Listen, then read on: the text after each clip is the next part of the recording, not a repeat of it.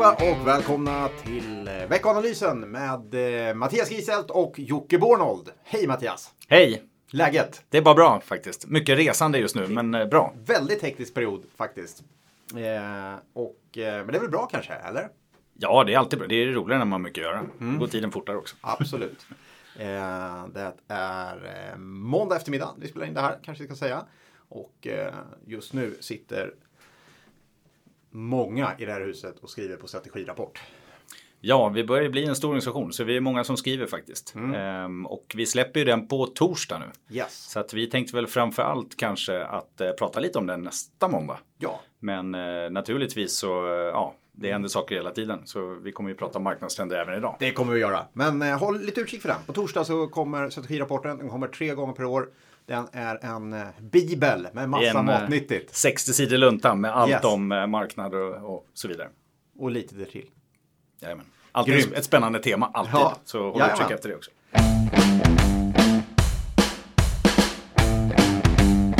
Förra veckan hände en hel del. Eh, mycket snack om tullar är det konstant nu. Åt alla håll och kanter. Och eh, det som var mest förra veckan, nej, det var väl kanske biltullarna mellan EU och USA. Absolut, och det var väl egentligen den positiva signalen också. Att man skjuter upp dem lite grann. Eh, upp mot sex månader då. Med det sagt så, man skjuter upp det. Det kan bli aktuellt igen under hösten naturligtvis. Just Men det här är naturligtvis, det hade kunnat vara en rätt stor grej. Att höja biltullar till 25 procent och nästan, ja i så fall nästan var tredje bil från EU som importeras till USA skulle drabbas av det här. Det är ju naturligtvis en, skulle bli en jättestor grej för många europeiska ekonomier, inte minst den tyska som ju står för 55 procent av all bilexport från EU. Så att eh, skulle naturligtvis vara en stor grej. Eh, men nu så har då Donald Trump, ligger lite lågt med just den tullen, de tullarna medan då andra har ju redan då implementerats och eh, fler är eventuellt på gång. Eh, och med det sagt så USA har ju tidigare haft ganska lite tullar och inte minst amerikanska biltullar är ju bland de lägsta i världen. Eh, så att det är ju inte onaturligt att det kommer en slags ökad tariff på det. Nej. Men eh, vi får se hur högt det blir och exakt. Och har skad, eller skadat vet jag inte, men amerikansk bilindustri eh, har ju haft väldigt svårt med konkurrensen. Det Ja. kan man konstatera. Det är, Absolut. Det är, eh, och, all, och får det allt tuffare också. Ja absolut och det gäller ju faktiskt, alltså nu har ju amerikansk klarat sig väldigt dåligt men även i Europa faktiskt så har det ju varit en del införande av olika ja, EU-standarder för utsläppsmätningar och annat och det, vi hade ju dieselskandalen här så att Ja. det är ju tufft överlag och registrering av bilar har ju gått ner och det finns långsiktiga hot från elbilar och det ena och andra. Så att eh, det är ju någonting som fortsatt kommer ligga i liksom, lite grann i skottlinjen för Just. Donald Trump. Såg också att eh, import av Harley Davidson motorcyklar har sjunkit drastiskt i Europa faktiskt. Ja. Eh, efter tullarna. Kan jag göra med då kanske också en stark dollar och så vidare. Eller så är det helt enkelt ute och köra Harley Davidson. Jag vet inte. Kör du HD? Nej, Nej. jag kör inte motorcykel överhuvudtaget. Nej. Men du gör det va? Ja, det är sant. Det är ju, Men ingen Harley Davidson, det är inte riktigt min grej. Ah, Okej, är Eh, du mer en sporthojsåkare? Ja, så Caféracer, om du vet Oj. vad det är. Ja, absolut. Ja. det, det är min grej. Okej, ja, coolt. Ja, den är ganska cool faktiskt. Eh, Men jag kör BMW. Ja. Ja, Eh, så vet vi det. Eh, Så att jag har inte drabbats av tullarna. Men, men hur, om man nu ska se det så här. Hur stor påverkan har 25% tull tror du? Om, om det här skulle bli... Jag har försökt Någonstans kika måste väl beslutet tas liksom. Ja, Eh, Man kan inte naturligtvis. skjuta på det för evigt. Naturligtvis, och jag har sett alla möjliga prognoser för hur det här skulle kunna slå på allmän tillväxt. Och då Ja. tänker jag nu inte bara biltullar utan jag tänker på de här tullarna på 25% på de här 200 miljarder dollarna plus de eventuellt 300 till som kommer. Eh, och de högsta beräkningarna jag sett så är det väl motsvarande en halv till en procentenhet på den amerikanska och kinesiska tillväxten under nästa år. Eh, Naturligtvis lite olika, mer på kinesiska initialt, mindre på amerikanska. Eh, det är höga tal men det är inte liksom, det finns andra saker som oroar mer också. Alltså, allmänna avmattningen i Kina, huruvida man får igång stimulanser och annat. Ja. Så att ja, det är väl en stor grej naturligtvis, men det blir oftast inte så mycket som man initialt pratar som ett värsta scenario, skulle jag säga. Så att vi, vi får se, men eh, räkna med att det kan dämpa tillväxten. Ja. Eh, Så kan man säga. De verkar ju ganska pigga på att slå på tullar eh, Mm. just nu. Och ska man inte se det som en eh, skatt på sin egen befolkning? För det är ändå de som ska köpa sakerna. De får lite- betala ett högre pris. Det är vad som händer. Priset går upp på hemmaplan, men... Eh, Absolut, eh, och det är ju lite grann det här som är stora frågan för USA. Att eh, naturligtvis kan Donald Trump kortsiktigt säga att vi får mer betalt jättebra. Men vem är slutkonsument? Och amerik amerikanska konsumenten är ju jätteviktig för amerikansk ekonomi. Och naturligtvis så är det de som drabbas i slutändan. Och vi ser redan idag vissa komponenter i inflationspriser och annat. Så det är, naturligtvis så går det upp. Det blir ja. högre priser och bolagen kommer naturligtvis föra vidare här mot konsumenter på alla sätt. Yes. Det är jag övertygad om. Men extra intäkter till statskassan. Jajamän. Mm. Ja, det kan behövas. Det finns ett visst underskott där.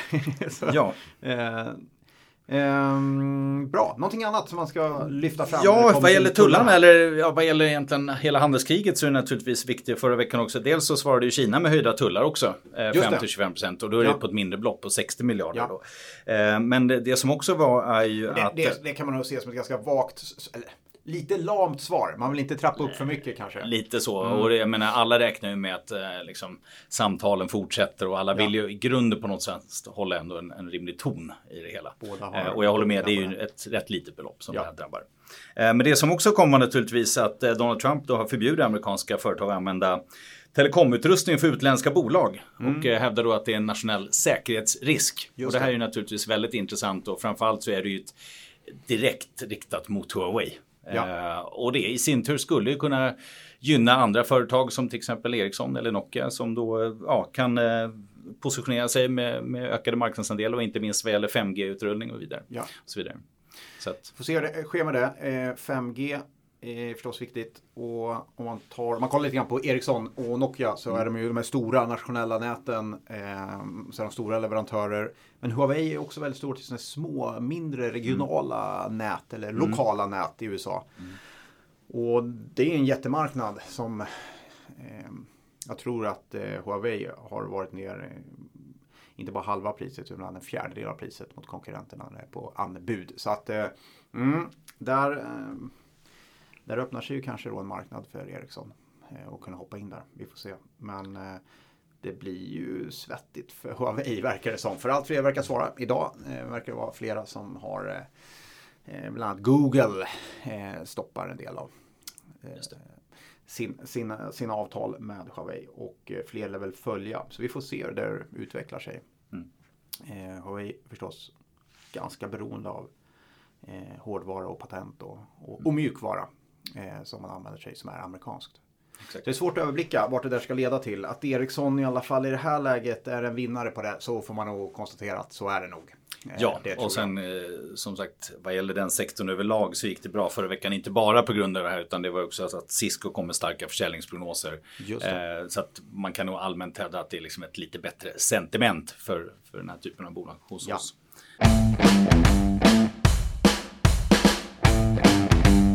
Men i övrigt så eh, det som fortsätter tycker jag är den här trenden med liksom sjunkande räntor. Eh, mm. Egentligen eh, en trend som vi har sett under ganska lång tid.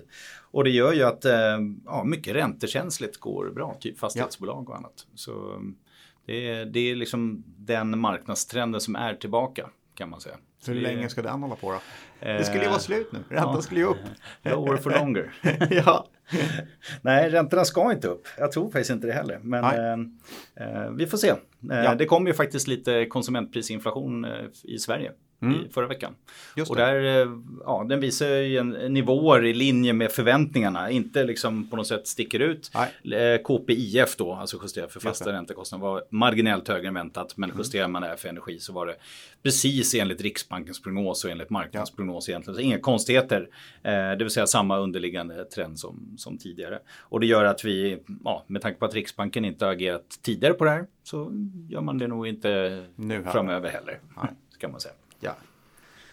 Eh, någonting annat eh, som hände förra veckan? Ja, makro var det en hel del eh, i övrigt. Eh, det var detaljhandelsförsäljning i USA, naturligtvis mm. viktig för att se eventuella trenden för då eh, amerikanska konsumenten. Och det var en besvikelse, alla komponenter var sämre än väntade faktiskt. Ja. Eh, det var egentligen bara bensinförsäljning som håller upp, och nu brukar man justera för. Ja. Så, så att nej, det var svagt. Svag mm. detaljhandel, men det är ganska volatil statistik också, så svårt att dra några större slutsatser. Okay. konsumentförtroende var lite bättre än väntat i en liten mätning. Mm. Eh, industriproduktion något sämre men Philly Fed-index lite bättre. Men ja, ingen sån här statistik som jag tycker ändrar min långsiktiga bild utan jag ser fortfarande att amerikansk ekonomi är på väg att mattas av lite grann.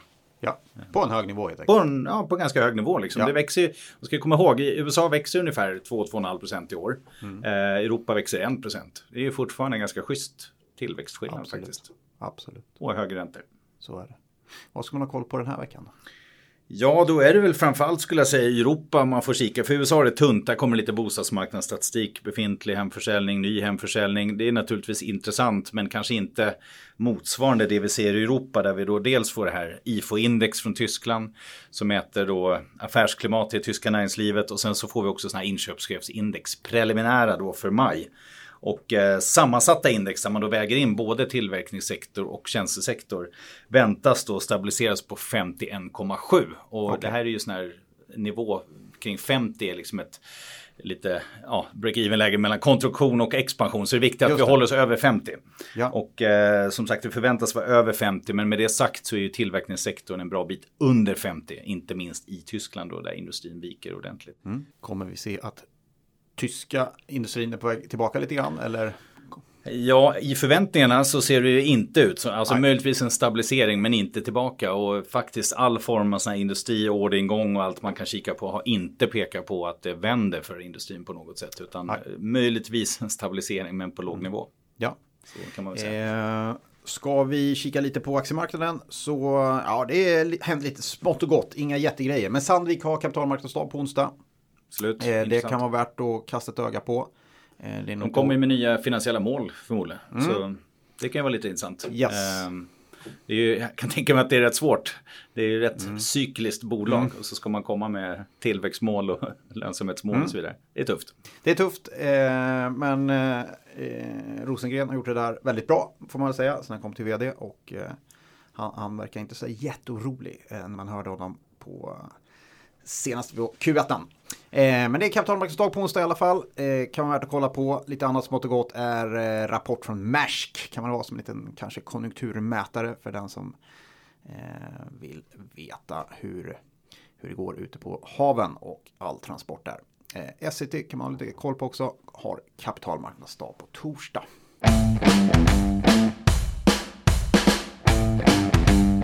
Är det något annat? Nej, inte vad gäller händelser direkt. Sen tycker jag allmänt att det är lite intressant, marknadsrörelsen är just nu igen, att det här trenden från förra året fortsätter, att tillväxtmarknaden går sämre än utvecklade marknader. Och eh, vi har väl lite grann, ja, vi är inte lika negativa till tillväxtmarknaden längre som vi var. Men eh, det har ju liksom helt, det, det finns ingen sån trendvändning överhuvudtaget att de skulle börja gå bättre för att Kina stimulerar, utan det är fokus på handelskonflikten och fokus på att den kortsiktiga vinnaren är USA. Och, det tar man fasta vid tycker jag. Gammal bubblare så har vi stökigt i Mellanöstern igen också. Mellan Iran och Saudi. Eh, Jajamän. det kanske man ska ha lite koll på. Eh, attacker mot fyra båtar. Eh, drönarattacker mot Aramcos anläggningar i Saudi. Det sker lite grejer, ingen vet riktigt Mm. Slut. vem. Oljepriser börjar ticka upp lite grann. Ja, alla pekar på Iran. Eh, men det är ju en krutdurk där nere. Ja. Jag var ju där faktiskt i vintras med min familj på en kryssning. Och, och, och vad jag insåg var eh, någonting av Persiska viken är att det är ganska trångt där nere. Eh, helt klart. Många fartyg. Och det är väldigt mycket fartyg. Eh, och det som är oro, det man tror jag ska oroa är att när det eskaleras så här och, och det man flyttar runt och det är lite mer vapenbåtar och, och sådär. Så är det problemet är väl om någon gör ett misstag. Liksom. Känns det som där nere. Att, Mm. Ja men motsvarande någon- Turkiet-Ryssland Ja. eh. Exakt. Det, det är ju så det är. Eh, Så vi får se vad som händer. Vi, eh, vi håller ett öga på det i alla fall och kanske återkommer med, med lite mer info. Det lär vi eh, göra. Kring Vi det har- geopolitiska läget faktiskt. Det, de riskerna finns ju alltid med Mm. oss och det finns ju faktiskt ett sånt geopolitiskt index som man kan titta på hur riskerna är och det har faktiskt dragit upp ganska ordentligt igen Mm. också. Men det, det har inte alltid starka börssamband, vilket Nej. är ju rimligt. Ja. Jag tror vi har lärt oss det under de senaste åren. Så här, tittar man till exempel 2004 när vi hade de här eh, Madrid-bomben på tågen och grejer. Då gick ju börsen ner 3% på det och så har vi lärt oss att ja, men terrorattacker det händer och ja, Ja. det finns annat som styr bolagsvinster. Men eh, ibland så, så får det ganska Mm. stort genomslag. Eh, Nordkorea-missilerna, missiltesterna som var, eh, fick faktiskt hyfsat genomslag. Mm. Så att det är, man vet aldrig riktigt vad marknaden fokuserar på. Nej, svårt att veta, men eh, det ligger där i alla fall och vi har koll på det. Vet ni vad? Det här är eh, veckoanalysen. Stort tack för idag, så får ni kolla koll på torsdag när vi släpper strategirapport. Och så hörs vi på tisdag. Amen. Ha det gott!